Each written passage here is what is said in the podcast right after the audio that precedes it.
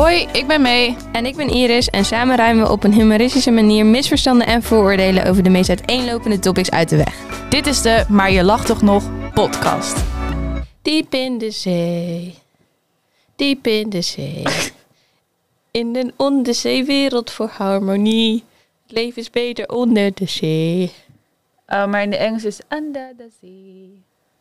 Darling, it's better down when it's wetter. Take it from me. Als vissen in het water zijn we blij en tevreden. Wat lelijk. Echt, ik heb vroeger eigenlijk alleen maar de Nederlandse eh, Kleine Mermaid gekeken, denk ik. Kleine Mermaid, Kleine Zeemermin. Want dat was gewoon zo vroeger. Ja. Nu heb ik voor het eerst The Little Mermaid in de bioscoop gezien. En Français. Nee. Nee, klopt. Maar wel in Frankrijk. Ja. Maar goed, er zat naast Franse mij een vrouw eh, eh, met blond haar zat naast mij. Echt helemaal te panikeren over... Is het wel in het Engels hier? Want ik kan het echt niet in het Frans. En eh, honderd keer aan mij gevraagd... Is het wel echt de Engelse versie? Stond honderd keer ook op dat plaatje. English spoken, French subtitled. Nee, maar is dat dan wel echt zo? Oh, je hebt het over mij. Ja, ik heb het Ik over merk jou. het nu pas. Echt? Ja. Echt? Ik dacht, ik dacht, oh wat irritant, nog niet mijn vrouw naast jou. oh, wat een joke. Oh, Ja, dit- nee. hier leef ik dus mee, hè, mensen. Ik ook, moet je nagaan. Ja, Kijk, jij kan nog even pauze houden, ademhalen thuis, ik niet. geloof mij, ik ook niet hoor. Je staat altijd weer bij mij op de stoep. Oké. Oké, we zijn terug. De Kleine Zeemermin vond ik wel echt een aanrader. Ik vond het wel echt eng. Alles onder de zee vind ik eng. God, En real life ik heb en bijna een action. hard attack gekregen daar. Ja. Vooral het begin. Zo hard geluid. Volgens mij was het ook echt niet goed dat die zo hard stond. Nee, Je werd echt dat weggeblazen is daar. belachelijk, belachelijk hard. Ja, en ik zat de die hele film dat ik dacht, die kleine kinderen die daarvoor aanzitten, hoe, hoe komen die hier mentaal uit, zeg maar.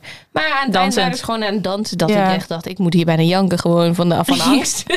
Maar het werd, ik vond het aan het einde wel beter. Het was vooral het begin heel erg. Klopt. Met die boot en dan onder water, zo was het ook donker. Ja, of met die haaien. Ja, Of, of, toen schrok ik wel of met Ursula, dat ze ineens zo groot werd dat ik Ja. dacht, nee Ursula, nee. En haar demonen. ja, ik vind het wel echt vet hoe ze dat soort dingen filmen. Het is echt bizar. En ook hoeveel tijd daarin gaat zitten. Ja. Maar goed, Niet voor ons weggelegd. nee. Want wij gaan het hebben over studeren met psychische problemen. Spiegische.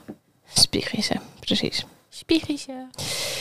Ja, want de vraag van de audience is eigenlijk, hoe pak je dit aan? Iris zou zeggen stop. Ik wist het ook niet, dus ik ben er maar mee gekapt. Nee, daar zal ik straks eh, wat meer over vertellen. Maar ehm, ja. Jij hebt je breakdown. Oh ja, over breakdowns gesproken trouwens. Ik had wel heel veel breakdowns toen ik eh, studeerde. Door mij. Ja. Psychische problemen. ja, ehm, mijn breakdown was denk ik gisteren. Toen had ik gewoon, ik had gewoon, Ik had gewoon. ik had Had je gewoon. gewoon de hele dag had ik therapie. En het ging over lichaamsbeeld en zo. En dat moet, daar moet je bij mij gewoon niet bij aankomen. Vooral, het was fucking heet. Mij niet bellen. het was echt heel erg heet. En ik had echt gewoon wel gewoon zomerkleding aan. Maar ik haat zomerkleding gewoon zo erg. Dus ik voelde me al heel erg aware daarvan. En toen ehm, hadden we dus hadden we het over ehm, lichaamsbeeld gehad. Nou, dat vind ik sowieso al gewoon helemaal kut. Dus ik ook daar gewoon huilen. Van, nou, anyway. En toen had ik daarna, na die therapiedag, had ik nog gesprek met... eh systeemgesprek met mijn moeder. Dat is ook gewoon dat ik denk, nou, dat is niet echt mijn favoriete bezigheid wat ik zo doe op de maandagmiddag. En toen daarna ging ik naar huis, want ik had mijn vaders auto, want die is nu drie weken naar Italië. En ik dacht, dan zet ik hem daar aan de laden, want als ik naar Groningen ga en ik moet hem daar op de parkeerplaats laten staan, dan kost het 4 euro per uur en dat heb ik niet op mijn bankrekening. dus eh, ehm, ja, ik ging naar Leek, dus ik dacht, oké, chill, eindelijk eventjes chill daar thuis. Kom mijn oma, zeg maar, waarom doe je dat? ik word gewoon één keer mijn microfoon even afgekapt. Maar komt mijn oma ineens, en ik bedoel het helemaal niet negatief van, ach, mijn oma. Maar ik zag alweer wat verstand zij stond. Mm. Dat ze echt kwam, ze stapte van die fiets op, het was half zes. Ik dacht, wat doe je überhaupt hier? Want je weet dat jij om over een half uur stipt aan tafel moet zitten. Want dan is het zes uur in etenstijd. Ehm, dus ik dacht ook, oké. En toen ging, kwam ze en het enige wat ze kwam doen was schoonmaken. Dus ze liep de hele tijd heen en weer. Ik zat op die bank. Ik was nog even bezig met een paar dingen voor werk. En toen zei ik van, wil je ook wat drinken? Nee, nee, nee. En dan elke keer gaat ze dan zo heel erg zuchten van... Dat ze dan weer doet en dan denk ik, oh my god, please. Doe dit niet. En dan voel ik me alweer schuldig dat ik daar op de bank zit en zij aan het schoonmaken is. Want zij is een oude oma en dat, dan dat voel ik me Mhm. helemaal verontwaardigd. Maar ja, ik kan, ja, toch? Maar dan en zij, en zij, zij maar gewoon dan doorgaan. En ik kan, kan alles zeggen, maar dan moet ze dat doen. En dan al was ze met de prullenbak. Ze zei, die prullenbak die moet toch geleeg worden, anders komen er allemaal maden in, bla bla. En dan elke keer, Oh, ik, ga, ik herken dit van nou ja, Oh, iemand anders. Ja, Oh, dat is zo Ja, irritant. dan wil, je gewoon waarde- dan wil ze gewoon waardering voor het feit dat zij het dan opruimt. Terwijl niemand heeft dat aan haar gevraagd. Dus ze komt. En dan nam ze alle was mee en zo. En toen, dat was het ook. Toen ging ze weer terug weg op de fiets. Toen dacht ik, ik heb opeens, opeens dat ik dacht, zei ze doei. Toen dacht ik, doei. Eh? Dus ik snel achteraan en ik zeg, nou doei. Nou, ik weet niet, maar daar was ik ook gewoon helemaal gewoon gefrustreerd van. En toen, ik was ook gewoon dus in met, bij thuis thuis. Thuis. dat ik gewoon helemaal gewoon een breakdown kreeg van al die gevoelens die ik de hele dag door al had gehad. Van happiness en sadness en frustratie en zo. En dat ik het, het moest er gewoon even uit. Dus toen heb ik even gehuild op de grond. Op de grond. Ja. Lekker. Ja, en ik weet niet, altijd als ik moet huilen ga ik op de grond liggen. Ik weet ook niet waarom. En welk liedje heb je geluisterd? Nou, niet. Oh. Nee. Kwam gewoon. Ja, Dat was wel echt een heftige dan. ja joh. Ik had, je niet op hoefde te roepen. Ja, precies. Want ik had laatst had ik ook dat ik op de grond lag. En toen moest ik helemaal... Buiten bij de co-op. nou, ik heb ook... Nou, ander verhaal. Maar ehm, toen dacht ik ook op de grond helemaal gewoon panic attack. Daar hebben we het ook in een van de volgende onderwerpen volgens mij over. En toen... ehm, ik zie mezelf dan... Nu denk ik dan als ik daar aan denk... Dan cringe ik hem echt helemaal. Maar dan lag ik daar helemaal zo huilend. En dan ging ik helemaal gezonde volwassen gedachten zeggen. Je kunt dit. Het gaat echt weer voorbij. nou, echt. Het is een momentopname. Ja. Maar goed, anyway, dat was mijn breakdown. Oh, chill wel. Ja. En nu? Nu, eh, bedoel, als in, hoe gaat het nu? nu ehm, weet ik echt niet. Ik heb gewoon elke keer even vandaag niet tijd om even die dingen te voelen. Want Nee, ik moet dat eventjes, eventjes uitdoen. Even verwerken. Zodat ik dan ehm, hier kan zitten. Ja. Maar ja, ik voel wel gewoon dat de laatste tijd echt dat ik heel veel aan het huilen ben en zo. Ik denk ook wel dat dat goed is. Maar ja. Het systeem. Maar huilen is gewoon nooit... Zeg maar, het is chill en niet chill. Ja, want je kunt ook bepaalde pijn, want heel veel dingen raakt dan ook weer aan dingen van vroeger. Ja. En dat doet dan zo pijn en dan heb je echt pijn op verschillende levels. Als in je hebt pijn van het heden, maar je hebt ook pijn van waar het aan geraakt is van al die dingen van vroeger en zo. Dat kan ik gewoon niet goed uitleggen, maar dat doet echt gewoon fysiek ook gewoon pijn. Dat Mhm. ik helemaal, daarom lig ik dan ook op de grond, want dan krimp ik helemaal in elkaar van, oh, ik kan niet aan. Ja. Maar ja. Ook heel bizar hoe andere mensen dat niet hebben. Ja, Ik denk, oh, chill. ja. Heel relaxed. Ja. Maar goed, ik heb ook wel eens jankend op de vloer gelegen door te studeren. Om even een bruggetje te maken. Hey, maar nu gaan we echt gelijk door. Ja. Oké. Wil je niet dat ik op nog inga op je breakdown? Nee. Als jij het wil, mag het wel. Maar ik heb met zulke dingen dat ik altijd snel denk... Laat maar. Gaan we toch maar snel door naar het onderwerp. Lala. Ja, wel even voor de mensen die denken dat ik echt dat ik heel statisch reageer. Of Oh. hou terug. Nee hoor, Ik heb het al gehoord namelijk. klopt. En niet als in dat is erg. Maar eh eventjes zwaaien. Nee, het is wel heel vervelend. Moet ik het nog een keer aandoen? Ja. Maar ik heb ook altijd na een breakdown dat ik denk... Dan, dan sta je echt op en dan haal je echt zo je tranen weg. En dan denk je, waar denk ik nou moeilijk over? ja gewoon en dan loop je echt later weer... ook. Ja, dan loop je echt Oh. als zo'n bas gewoon weer je huis uit. En denk je echt, ah, kan het weer aan. En dan echt een half uur later denk je... Dan krijg je zo'n flashback van die breakdown. En dan denk je echt, dan ga ik ook helemaal zo. Gewoon, ik denk, alsof ik door dit te doen, dan haal ik dat beeld weg. Ja. Echt heel raar hoe dat Maar ik werkt. kan ook echt heel erg relaten to die memes. Dat je dan na meme after a mental breakdown en dan een pee steken zo. Ja, in de spiegel, ja. Dat doe ik ook altijd. En dan ook zo nog half huilen. Ja. En maar wel met je mond ook een beetje zo... Ja, ja, helemaal rode wangen en zo. Helemaal nat. Ik had gisteren ook gehuild. En toen was het ook, omdat het natuurlijk sowieso warm was, Ja. dan En van huilen krijg je een andere soort roodheid.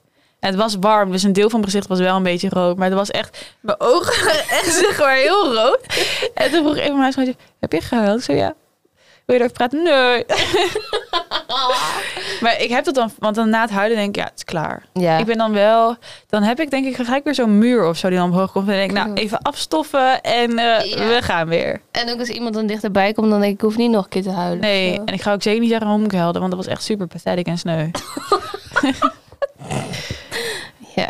Maar goed, huilen tijdens studeren. Ja. Ja, ik heb, eh, ik heb denk ik nooit gehuild tijdens studeren. Want ik dacht altijd, ik heb wel heel veel paniekaanvallen gehad. Maar ik kan, kon mijn paniekaanvallen een soort van uitstellen. Dan voelde ik hem en dan kon Mhm. ik echt doen van, nu is echt niet het moment. We moeten nu nog leren en dan daarna. Ja, ik heb nu Oh, geen joh. tijd, want dan krijg ik nog meer paniek. Ja. Als ik nu die paniekaanval heb, dat past niet in mijn schema, want ik moet dit en dit nog Ja, doen. precies. En dan was het daarna, als het eh, klaar was, het, weet ik veel, tentamenweek of zo. Wow. Dan was ik echt twee weken van de kaart gewoon ziek en Ja. huilen. En dan werd ik opeens ook ongesteld. Want dan was ik twee weken lang, voelde ik het aankomen, maar dat bleef dan vastzitten. Ja. En gewoon, alles kwam er dan letterlijk, het spoot eruit. Lekker. Aan alle kanten. Precies, ja, ik kon daar echt eigenlijk heel erg slecht mee omgaan. Want iedereen was altijd van, wow, je haalt altijd alles en bla bla bla. Dus dan denk ik, ja, je moet me even zien dan die weken daarna. En ook Ja. tijdens dat ik eigenlijk denk van... Ik had niet eens paniek over het feit van dat ik het niet begreep. Maar ik had gewoon paniek dat ik dacht, wat als er een onverwachte vraag uit de hoek komt of zo. En ik weet niet wat ik moet beantwoorden. Dus ik moest ook per se echt... Ik leerde gewoon echt alles. Ja. En heel veel mensen die leerden alleen, eh, zeker tijdens de studie, hadden we vaak gewoon tijdens college slides, weet je wel. Die leerden gewoon alle slides van alle weken. Mhm. Maar ik dacht, nee, 500 pagina's. Ik moet alles in ieder geval hebben gelezen. En ik heb wel, ik moet wel ook zeggen, ik heb wel heel chill. dat Ik, eh, soms wist ik antwoorden niet, maar dan kan ik in mijn hoofd dus teruggaan naar een bepaalde pagina. En dan zie ik hoe die pagina eruit ziet en dan zie ik de tekst die daarop staat. ja. En niemand geloofde mij ooit dat ik dat had. Echt? Daar werd ik echt uitgelachen van, pff, Echt? ja, Oh. maar goed. Ik had het ook altijd. Maar ik had soms wel dat dan, ik kon die hele pagina dan zien. Maar dan net het stukje wat ik nodig had, dan wist ik niet. En maar ik wist precies welke afbeelding daarboven stond en wat de, on, wat de beschrijving onder die afbeelding was. En zeg maar de zin ervoor en de zin daarna. Maar dat ik dacht, nee, ik moet die ene zin weten. Ja, Oh en my dan- en dat stuk is net helemaal vervaagd of zo. Maar kan hij dan wel later nog terug? Nou, soms. Soms ook niet. Hè? Ja, jammer. You get some, you uh, Ja, lose some. precies. Ja, maar want ook toen je ging studeren, toen heb je best wel last gehad van psychische problemen. Hoe was dat? Klopt. Heel chill, moet ik eerlijk zeggen. Ja, dat. Ik zou het iedereen aanraden. Ehm, ik denk dat wij daarin heel verschillend zijn. Want ehm, jij bent uiteindelijk ook gestopt met je studie. Mhm. En ik heb nooit überhaupt daarover nagedacht. Waarschijnlijk ook omdat dat van mezelf niet mocht, dan de, de criticus. Mhm. Ehm, maar ook gewoon omdat het juist een soort van houvast was. Van nee, dan heb ik dat om te doen. Want hoe minder ik ging doen, hoe erger het eigenlijk werd. Zeg maar, ik voelde me wel echt niet oké. Maar ik dacht, stop is ook geen optie. Dat was trouwens ook op de hockeyclub. Hadden we elk jaar zo'n toernooi. En dan moest je daar van die eh, vesten en zo voor ontwerpen. Die had dan met allemaal teams. En dan was er ook een keer zo'n slogan van... eh, opgeven is geen optie. Dat had ik echt zo in mijn brein Oh, zo... ja. Niet, en terwijl dan nu denk ik, ja, stoppen met je studie is niet eens opgeven. Nee, ik wil echt Maar- precies net zeggen. Ja, zie je, zitten we Ja. toch weer even op diezelfde lijn. Ja, fijn. Ehm, ja, ik heb denk ik wel gewoon het geluk gehad dat ik gewoon heel makkelijk leerde. Dus ik hoefde er, ik hoefde er geen moeite voor te doen. Het was meer dat ik zelf gewoon zo gestrest was van dat ik gewoon heel erg aan mezelf twijfelde. Zeg maar, Mhm. ik wist van als ik een dag van tevoren een boek opensla, dan haal ik het. Maar ik durfde dat gewoon niet uit, uit angst of zo. Want ik was ook heel erg bang om een zes te halen. Ik wilde echt per se minimaal gewoon een bepaald cijfer. Want ik denk sowieso in mijn, ja, best wel compet- competitief opgegroeid.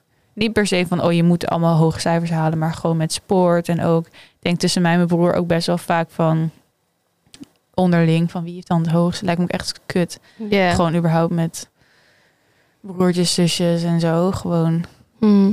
dat. Ehm, ja, ik ging eigenlijk, ja, ik ging nooit naar de les. Dat was wel zo.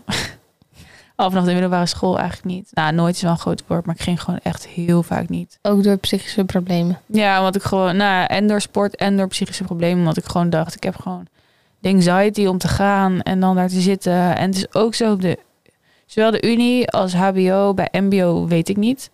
Eh, ik kan me voorstellen dat bij MBO het misschien iets anders is qua sfeer. Maar in ieder geval, HBO en Unie is alles zo, er is zoveel afstand tussen de leraren of docenten en de leerlingen. Dat je echt daar zit. Op de middelbare school had ik wel met elke leraar, die kende je, weet je wel, bij naam. En eh, die had je bijvoorbeeld een paar jaar. En hier was het gewoon zoveel afstand. Dat ik dan op een gegeven moment dacht, ja, boeit volgens mij ook echt niemand of ik hier wel of niet zit. Ja. En dat vond ik wel een groot verschil. En ook, ja, je hebt dan wel zo'n studieloopbaanbegeleider of zo, maar dat moet je dan ook weer zelf nu doen. En dan ook weer zo'n persoon met alle respect die dan, ja, toch, ik weet niet. Je kon nergens echt je ei kwijt of zo. En voor jou? Ik zie dat we alweer Ja. lekker lang onderweg zijn. Ehm, nou, ik had bijvoorbeeld op de middelbare school had ik nooit dat ik dacht ik moet per se een hoog cijfer halen qua competitie of zo, of überhaupt. Maar ik was altijd gewoon bang, want er werd ook tegen mij gezegd: ja, leer gewoon wat je nodig hebt en de rest, zeg maar, leer gewoon voor een zes of zo. En dan dacht ik, ja, ik wil dat oprecht, maar ik weet niet hoe. Mhm, ja, Want- wat is een zes? Ja, dat ik denk, ik weet alleen hoe ik moet leren voor dat ik een 8 of een 9 of zo heb. En ik, ik wist dan niet, wat moet ik dan laten? Wil ik wel die 6 halen of zo? Want ik vond een 6 halen vond ik niet erg. Maar vertel me dan wel precies wat daar dan bij hoort. Wat ik dan hoef, alleen nog hoef te leren, zeg maar. Dus dan Ja. dacht ik dan maar op 7 en dan leer ik alles wel. Dus ja, ik weet niet. Ik denk gewoon op de middelbare school heb ik het echt nog volgehouden. Alleen toen daarna, toen moest ik ook een keuze maken van wat wil ik dan studeren. En toen dacht ik echt, ik doe wel international business, want eh, ik weet het niet. En toen ben ik dat dan gaan doen, maar toen was het eigenlijk al te ver dat het eigenlijk al niet meer lukte. En normaal was ik dan inderdaad, had ik ook zo'n mindset van je gaat echt absoluut niet stoppen. Maar ik voelde gewoon dat het niet lukte en dat het gewoon niet meer kon of zo al. Mhm. Dus toen dacht ik, nou ja, ik vind deze studie gewoon niet leuk. Dus dan ga ik volgend jaar dat maar doen. Dat voel ik al heel erg voor mezelf dat ik dat toen had gedaan. Maar ik dacht, nou ja, maar wel met het idee, dan ga ik volgend jaar weer een studie doen. Want alleen dan mag ik stoppen als ik maar wel gewoon doorga. Dus toen ben ik, had ik een tussenjaar en dan ging ik in Londen werken. En toen kwam ik terug en toen ging ik weer een studie doen. En toen had ik inmiddels ook een A-turners ontwikkeld. En toen ehm, nam dat zo'n groot deel van mijn tijd in dat ik nog wel. Ik snap echt niet hoe ik uit dat eerste jaar van die studie heb gedaan. Want ik heb dat jaar bijna helemaal afgemaakt. Alleen de laatste maand was ik er niet meer. Ehm, bij die studie niet in het algemeen. Mhm. Maar ehm, dat ik echt gewoon. dat ik echt gewoon. Ja, ik, ik zie mezelf dan nog zitten. Dat ik zo erg bezig was met. Ik bedoel, jij weet het ook hoeveel mind Mhm. van je capaciteit zo, zoiets inneemt. Dat ik daar zo erg mee bezig was en dat studeren echt gewoon een beetje een side thing was.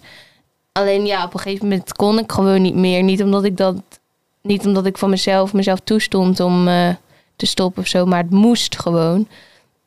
En achteraf is eigenlijk dat de beste keuze geweest ooit. En toen heb ik eigenlijk ook gewoon